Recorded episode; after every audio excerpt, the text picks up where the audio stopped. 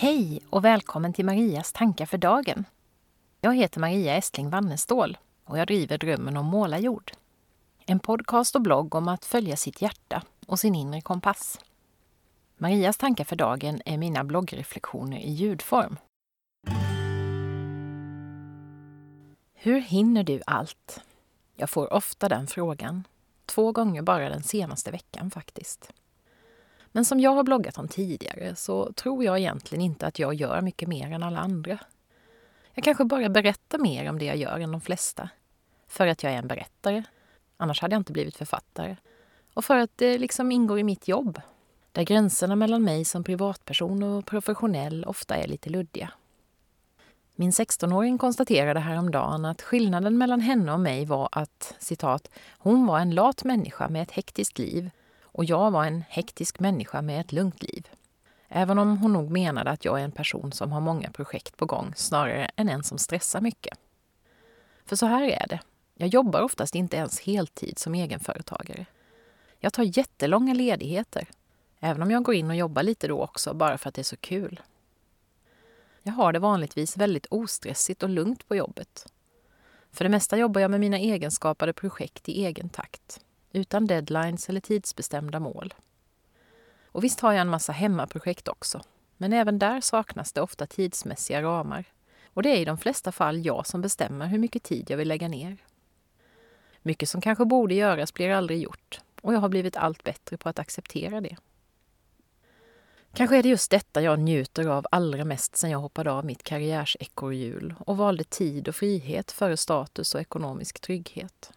Förutom att jag får mer utlopp för min kreativitet. Att jag för det allra mesta har mer luft i systemet. Luft som gör att jag kan fika eller äta lunch med någon jag tycker om i flera timmar utan att titta på klockan. Luft som gör att jag hinner se på två avsnitt av Grey's Anatomy istället för ett tillsammans med 16-åringen som vill stanna uppe till väldigt sent för att kunna lägga sista budet på ett par begagnade lila Converse-dojor. Luft som gör att jag de dagar jag inte jobbar i stan och därmed samåker med familjen kan sova tills kroppen vill vakna snarare än tills väckarklockan tycker att det är dags. Och ta en morgonpromenad eller en stund på yogamattan innan arbetsdagen börjar om jag känner för det.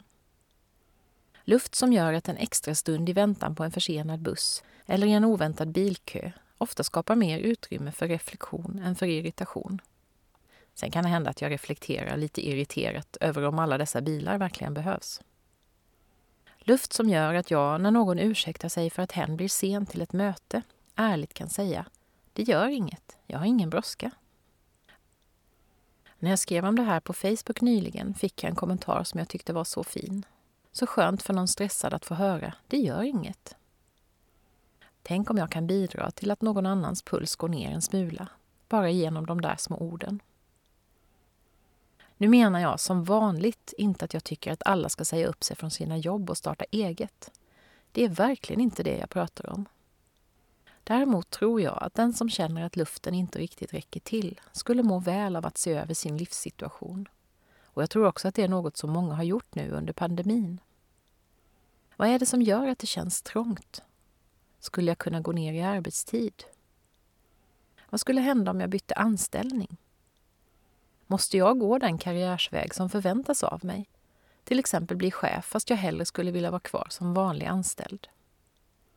Kan jag jobba mer hemifrån för att minska pendlingstiden? Skulle en annan boendeform minska min stress?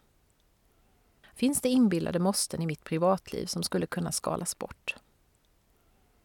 Och ja, jag vet mycket väl att alla inte har lyxen att välja.